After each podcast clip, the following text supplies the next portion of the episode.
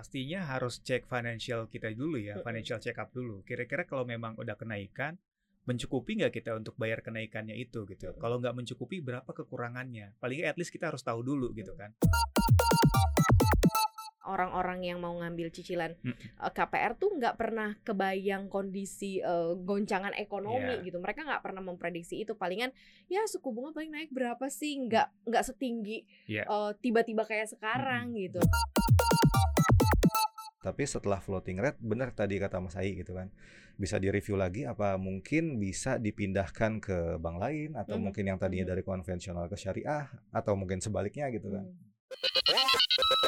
Koneksi Konten Ekonomi Seksi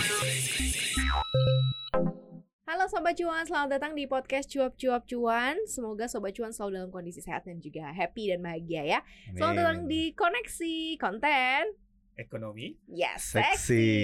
Hari ini kita ada newbie nih, ada Mas Ai Hidayah, editor CNBC Indonesia. Apa Halo, kabar Mas Ai? kabar baik. Kabar baik sehat ya. Dan juga ada Mas Adam Isa di sini, produser CNBC Indonesia TV ya. Halo. Nah hari ini kita akan ngobrolin hal yang seru deh buat Sobat Cuan. Kita eh, bahas sesuatu yang memang banyak banget jadi perbincangan sih. Terus Mm-mm. kemudian eh, banyak banget juga sobat-sobat cuan yang lagi mengalami kebingungan dan kepusingan gitu ya terkait cicilan KPR. Anda lagi mengalami kebingungan yang sama? Saya sudah selesai. Ih gila, udah lunas dong berarti ya. Alhamdulillah. Oh alhamdulillah. Kalau gue lagi nyicil sih, tapi gue pakai yang syariah, jadi eh, floatingnya itu tuh dari depan. Jadi Iya. udah ketahuan eh, bulan sekian sampai bulan sekian cicil ya cicilannya berapa, Betul. bulan sekian sampai sekian cicilannya naiknya berapa gitu ya. Nah ini teman-teman yang di konvensional Mm. yang kemudian udah pada dapat apa SMS ya dari Iya. SMS cinta gitu ya bahwa dari cicilan. banknya. cicilan KPR Anda naik dan naiknya tuh gini loh Mas naiknya tuh lumayan besar-besar Hmm, hmm. yang mungkin ambil awalnya cicilannya berapa mungkin 5 juta tuh Hmm. kok bisa sampai ke apa ya hampir 10 juta bahkan ya dua kali lipat. Sebenarnya kalau kita mau kasih mungkin pemahaman buat sobat cuan sekarang yang belum ngambil KPR dan gimana perhitungan sebenarnya bunga KPR nih kayak gimana sih? Mungkin Mas Ai punya apa cara-cara mudah gitu Oke, menghitungnya. iya biasanya memang kalau bank itu menawarkan KPR itu biasanya di awal itu akan ada bunga-bunga promo ya, Mm-mm. biasanya fix tiga persen setahun atau dua Mm-mm. tahun atau tiga tahun. Nah ini sebenarnya jadi bagus sih sebenarnya buat eh, para pejuang KPR ya, Mm-mm. Eh, mereka akan dapat bunga yang murah. Tapi akan jadi celaka kalau emang suku bunga naik terus. Kayak Yes. sekarang ini kan sudah berapa kali BI menaikkan suku bunga ya, Mm-mm. dari flat lama ya sekarang Iya. jadi naiknya tinggi Uh, nih sudah 45. sampai 175 basis poin Mm-mm. bunga dasarnya dan kalau untuk bunga kredit tuh udah sampai di atas double digit kan Betul. 12 sampai 13 persen. Nah bayangkan kalau di awal kita dapat bunga 3 5 persen tiba-tiba bunga floatingnya udah 12 13 persen. Mm-mm. Mau nggak mau kan pasti kenaikannya dua atau tiga kali lipat ya dan Mm-mm. itu pasti akan sangat terasa sekali gitu.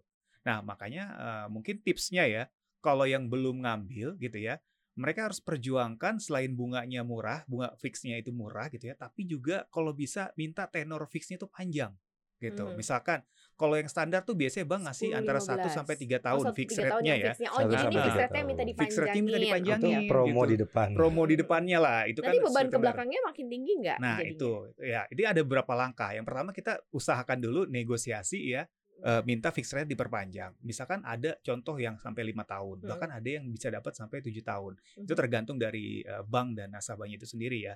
Kalau dilihat mungkin dia kreditnya bagus dan dia nasabah loyal bank itu bukan nggak mungkin dikasih makin panjang gitu. Mhm, mhm. Kayak nanti setelah itu baru kita pikirkan gimana nih kalau udah mau masuk floating rate gitu. Kira-kira mencukupi nggak nih dana kita kalau misalkan dengan kenaikan Mhm. suku bunga yang ada. Kita harus kalkulasi lagi nih kira-kira budget kita untuk kredit nih masih ada atau enggak gitu. Oke. Kalau nggak ada kan berarti yang pertama kita harus review keuangan kita dulu nih. Mhm. Ada nggak pos-pos yang bisa dikurangi gitu Mm-mm. ya? Misalkan pos-pos lifestyle atau Mm-mm. pos jalan-jalan dan lain-lain gitu. Kalau emang udah nggak ada, mau nggak mau kita harus pikirkan gimana caranya bisa nge-reduce eh, bunga KPR-nya itu atau mungkin Oke, cicilan KPR-nya oke. itu. Misalkan ya eh, kita bisa take over ke bank lain yang memang Mhm. penawaran bunganya lebih rendah gitu kan. Mhm. Itu paling nggak bisa mengurangi beban gitu ya.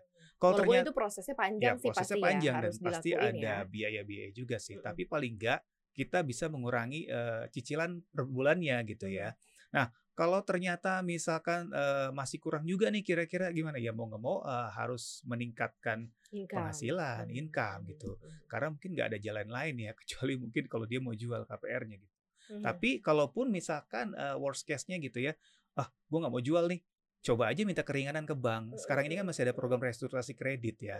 Misalkan kita bisa meminta penundaan bayar bunga, biasanya bisa tuh, misalkan setahun atau dua tahun gitu ya, sampai nanti kondisinya dia keuangannya sudah mulai membaik.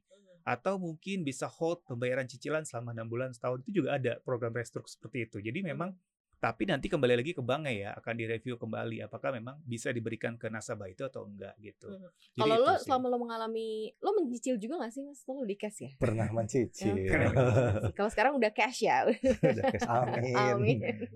Eh, pernah gak sih ngalamin kayak gini? Karena setahu gue kalau misalnya orang-orang yang mau ngambil cicilan Mm. eh, KPR tuh nggak pernah kebayang kondisi eh, goncangan ekonomi Iya. gitu. Mereka nggak pernah memprediksi itu. Palingan ya suku bunga paling naik berapa sih? Nggak nggak setinggi Iya. eh, tiba-tiba kayak sekarang gitu. Nah ini betul. waktu lo Itu kan- mengalami ada dinamika yang cukup juga terjadi sama kayak sobat cuan sekarang rasain nggak? Iya, itu kan emang nggak terprediksi ya kalau Hmm. hari esok kan kita nggak tahu Hmm. kayak apa gitu kan.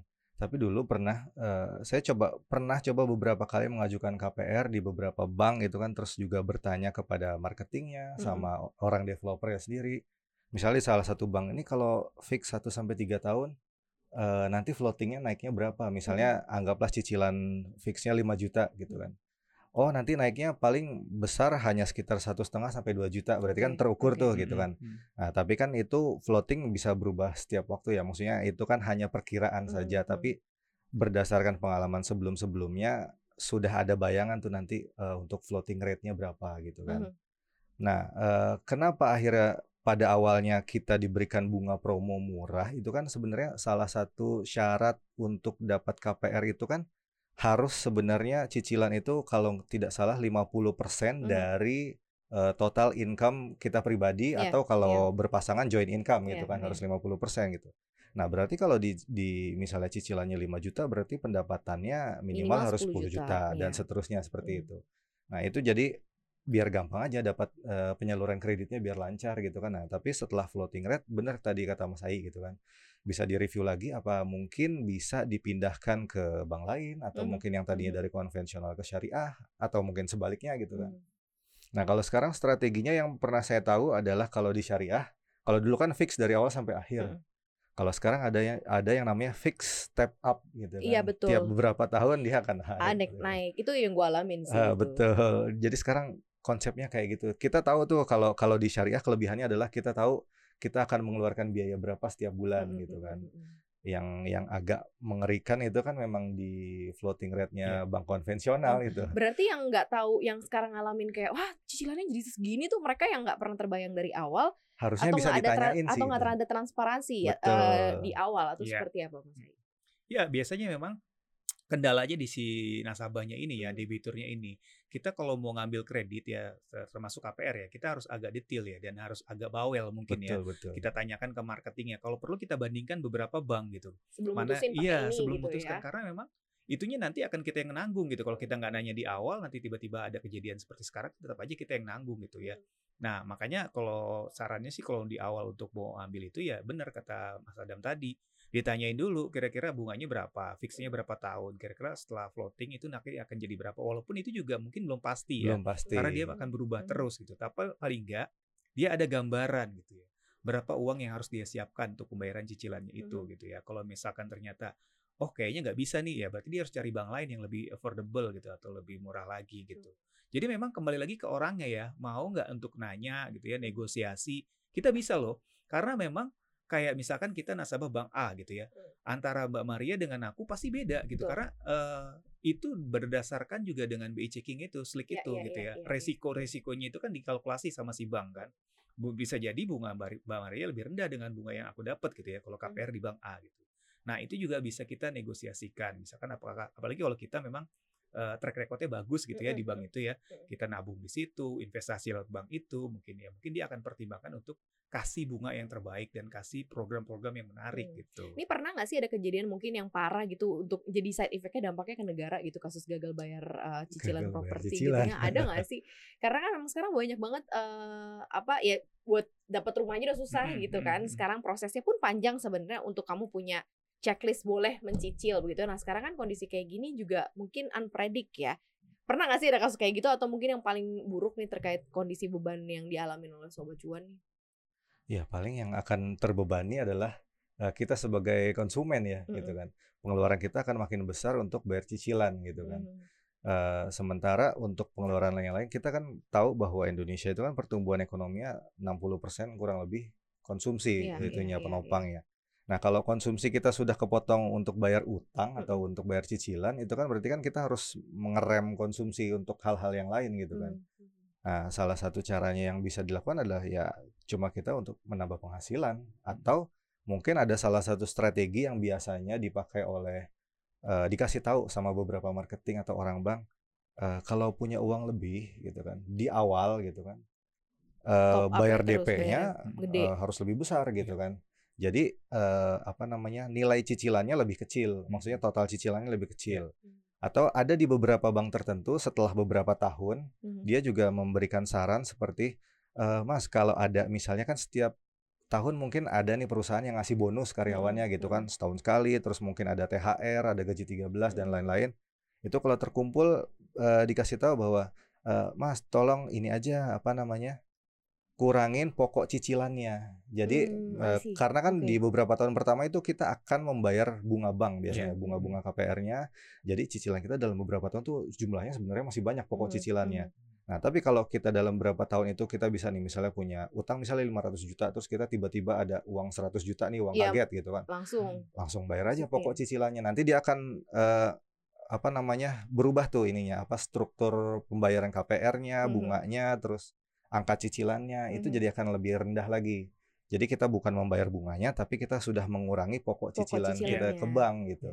ya ya itu ya, sih ya, ya. strateginya yang pernah saya diajarin tahu Mhm. gitu kan. masih sempat nggak sih menggunakan strategi itu ya di tengah kondisi seperti ini ya apa yang harus dilakukan gitu loh Mas. Ai shock dapat SMS gitu.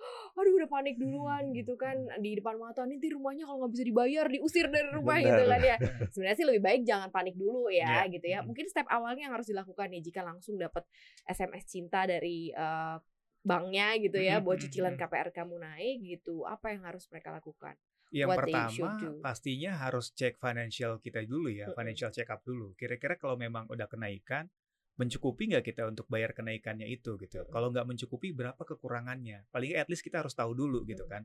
Nah dari situ baru nanti kita cari solusi-solusi lain. Misalkan kita tekan biaya cicilannya itu dengan take over tadi gitu kan. Kita Hmm. cari memang yang ngasih bunga lebih murah gitu ya sehingga cicilannya bisa lebih rendah gitu. Atau yang kedua ya kita bisa juga eh, itu tadi minta restrukturisasi tadi ya, restrukturisasi kredit tadi gitu ya, penundaan bayar cicilan atau Hmm. mungkin eh, penundaan bayar bunga gitu ya. Sementara kita harus mengakumulasi keuangan kita misalkan ya tadi kayak seperti Mas Adam bilang gitu ya. Dengan harapan mungkin nanti akan ada uang masuk besar ya bisa kita kurangi misalkan pokok hutangnya atau mungkin kita bisa cari eh, passive income yang lain gitu ya Hmm, untuk hmm. menambah income kita untuk menutupi kekurangannya itu. Jadi mungkin itu step-step yang harus dilakukan ya supaya Hmm. memang bisa eh, tetap bisa mencicil gitu ya. apalagi yang udah running lima tahun, Iya, nah, karena sayang banget kalau harus dijual kan. Gitu, iya sayang Mm-mm. banget gitu. Dan eh, dijual juga kayak bukan exit strategi yang baik-baik ya saat ini Iya. kita ya. nggak dapat untung sebenarnya kalau dijual di tengah KPR nggak bakalan dapat untung gitu. Hmm. Eh, sebenarnya ada satu saran lagi kalau dari awal kalau Hmm. memang mau mencicil KPR itu itu yang paling aman sebenarnya tidak 50% dari total income sendiri atau Hmm. bersama pasangan ya tapi di angka 30% gitu. Oh, oke. Jadi ketika Jadi nanti dia besar ya? floating Iya. rate eh, mungkin jadi eh, pengeluarannya akan naik ke 50% Mm-mm, bersama mm-mm, gitu kan. Nah, itu yang yang yang apa namanya yang harus diantisipasi kan. Yang yang perlu diantisipasi adalah ketika bunga apa ada floating rate, bunganya floating. Mhm. Saya pernah mengalami kayak dari cicilan satu tahun pertama fix nih. Mm-mm. Itu memang benar-benar biar kita masuk aja. Iya. Jadi secara syarat udah pas gitu kan. Eh, apa namanya penghasilan minimalnya masuk, Hmm. eh, terus uangnya bulanannya bisa masuk cicilannya. Mhm. Nah, tapi setelah satu tahun fix selesai, dia naiknya lumayan itu eh, berapa ya? Kurang lebih 20 sampai 30% dari gila. cicilan yang Iya, pertama gitu kan. Anggaplah misalnya cicilan awal pertama 5 juta, Heeh, terus heeh. jadi 7 juta kan Hmm. lumayan kalau Iya. penghasilannya tidak berubah berarti kan Hmm. itu akan memangkas eh, Pos kita yang Iya. lain gitu. Mhm. Seperti itu. Bener sih ya 30% dari income gitu ya. Mhm. Jadi udah dilihat nih cukup nggak begitu ya. Nah terus banyak pertanyaan, eh, apakah memang this is a good time eh, untuk mengambil cicilan rumah? Nih akhirnya banyak yang nanya, ini waktu yang baik dan tepat nggak sih untuk mulai punya KPR gitu Hmm. untuk bagian Hmm. besar orang-orang yang pengen punya rumah gitu di Hmm. tengah kondisi eh, suku bunga yang sekarang Iya. gitu ya. Kalau menurut Mas Ai gimana? Karena banyak yang takut nih karena kan Hmm. banyak yang shock dengan cicilan tinggi. Nah, orang-orang yang baru mau punya KPR akhirnya pada aduh tar dulu deh kayaknya gitu. Padahal kan sebenarnya banyak pilihan-pilihan eh, apa cicilan yang sebenarnya Hmm. bisa di Hmm. bisa ditelusuri ya sesuai dengan kebutuhan sobat cuan gimana Mas Ai? Iya, sebenarnya ada beberapa sudut pandang ya, waktu yang tepat untuk masuk untuk beli rumah atau ambil KPR ya. Kalau ditanya berkaitan dengan suku bunga, memang sekarang pasti bunganya lagi tinggi gitu. Hmm. Tapi kalau kita lihat eh, based on misalkan harga properti, sekarang ini justru lagi banyak yang turun gitu. Hmm. Nah, itu Masih di bawah peluang, ya. peluang kita untuk dapat harga properti yang murah tapi properti yang bagus gitu. Jadi sebenarnya itu suatu peluang gitu. Nah, tinggal nanti gimana kita nekan biayanya ini kan, biaya Mm-mm, bunganya, biaya cicilannya gitu. Karena gini, pada prinsipnya harga properti itu kalau tidak terjadi krisis, dia akan terus naik. Kayak contoh di Indonesia atau mungkin di berbagai belahan dunia ya, backlog antara supply and demand properti itu terutama rumah ya, Gede, gede. itu banget. gede Gede banget. Bahkan Menteri Keuangan bilang ah, milenial itu sekarang udah makin susah punya rumah Hmm. karena harganya terus naik gitu. Jadi kalau waktu yang tepat kapan ya kalau bisa hari ini atau kemarin gitu untuk Betul. beli rumah gitu. Kalau bisa mundur Iya. Kalau kemarin. kalau kata kemarin. orang-orang marketing perumahan, kapan beli rumah? Iya. Harus Hari sekarang. ini. Harus gitu. sekarang. Karena Senin harga naik Karena ya. sekarang harga naik. Jadi apalagi kalau kita udah punya lokasi yang emang kita incer Iya, gitu iya, ya. iya, Oh, iya, ternyata iya. udah bagus nih, udah dapet nih properti di sini, harganya udah masuk. Ya udah tinggal kita ambil aja kalau emang apalagi dananya udah tersedia ya Mm, untuk mm, mm. DP dan segala macam. Ya tinggal kita cari deh mana bank yang paling affordable memfasilitasi kredit itu gitu kan. Hmm. Jadi kalau menurutku sih nggak usah ditunda-tunda kalau emang sekarang ada dan udah cocok gitu ya rumahnya atau propertinya ya silakan aja gitu. Dan nggak Iya. mesti takut juga Nggak gitu mesti ya. takut juga gitu karena Sekarang kita ada kemudahan juga Iya, ada untuk kemudahan KPR, ada juga. DP 0% ya. Iya, ada Mm, DP mm, 0% dan mm, segala macam. Karena kita nggak pernah tahu nanti ke depan tahun depan atau berapa tahun lagi harga rumahnya masih sama atau enggak gitu kan. Di perumahan tertentu aja misalnya perumahan A gitu ya. Tahun ini harganya segini, tahun depan mungkin udah beda lagi gitu. Dan tahun depan Betul. udah beda lagi. Jadi bukan hanya dari sisi KPR-nya yang kita pikirkan, Ya. tapi dari harga propertinya juga harus kita pikirkan juga gitu. Bener sih. Gitu. Kalau sekarang lagi banyak yang diskon kenapa enggak gitu Iya. ya. Kemarin pandemi sebenarnya Hmm. untuk orang-orang yang masih megang liquid, Mm, ada cash, 2020-2021 itu saat yang benar-benar pas sih untuk Iya, beli Untuk beli properti. properti. Terutama mungkin yang properti yang bisa disewakan kembali ya. Mm, mm, mm. Kayak di Bali gitu kan, Hmm. itu harga properti jatuhnya bisa lebih dari 50% gitu Iya. kan. Dan itu untuk orang-orang yang punya cash ya tinggal ambil terus Hmm. renovasi eh, pandemi selesai, wisatawan masuk lagi, Iya. udah jalan langsung Jalan. langsung Iya. kembali Bisnisnya gitu. jalan Bisnisnya gitu ya. jalan. Terus kalau beli rumah ya mungkin harganya memang eh, nggak turun-turun banget, Mm, tapi itu sebenarnya eh, 2020-2021 mungkin juga sampai saat ini ya masih sebenarnya harganya masih yang cukup bagus gitu mm, kan. mm, mm. Hmm. Walaupun suku bunga sudah naik, tapi kan kita tahu suku bunga kredit perumahan juga, Juga. tidak Iya, turun-turun nggak banget turun-turun dari banget. kemarin gitu Iya, kan. Gampang naik terus turun ya. Ya gitulah ya sobat Hmm. cuan ya. Ini sedikit eh, obrolan buat sobat cuan yang membaca juga sih. Kita ikut juga sih apa keresahannya sobat cuan gitu Hmm. ya. Mungkin yang saat ini sedang lagi masa mencicil KPR dan kaget gitu. Tapi ternyata banyak kok cara yang bisa ditempuh asal jangan eh, shock, jangan panik gitu ya. Mungkin dicek Betul. lagi kembali apa yang memang bisa dilakukan. Ya coba Ya. tanya, ngobrol sana sini, tanya sama banknya apa yang bisa dilakukan. Nah baru nanti diputuskan deh yang paling terbaik kira-kira exit strateginya seperti apa nih untuk cicilannya sobat cuan ya. Hmm. Yang pasti jangan pernah takut juga untuk nyicil yang belum nyicil ya atau yang pengen punya rumah Mm, jangan Karena takut yang gitu. namanya aset rumah tanah nggak pernah turun harganya, Iya, pernah turun benar. harganya, selalu naik. Karena kalau misalnya nggak beli sekarang besok udah naik Iya. dan itu bener loh Bener. Senin harga naik ya. Senin harga naik. Thank you banget Sobat Cuan udah dengerin konten kita hari ini. Jangan lupa untuk dengerin konten podcast kita lainnya di mana aja. Ya jangan lupa simak kontennya cuap-cuap cuan di Yes. Spotify, Apple Podcast, Google Podcast dan juga Anchor. Jangan lupa follow akun Instagram kita juga ya di @cuap underscore cuan dan subscribe YouTube channel kita di cuap cuap cuan di like dan juga di share serta di komen ya. Dan podcast kita hari ini juga tayang di CNBC Indonesia TV Sobat Cuan. Thank you banget. Tetap semangat Sobat Cuan untuk mencari cuan ya. Maria Katarina pamit. Ayo pamit. Adam pamit. Bye bye. Bye.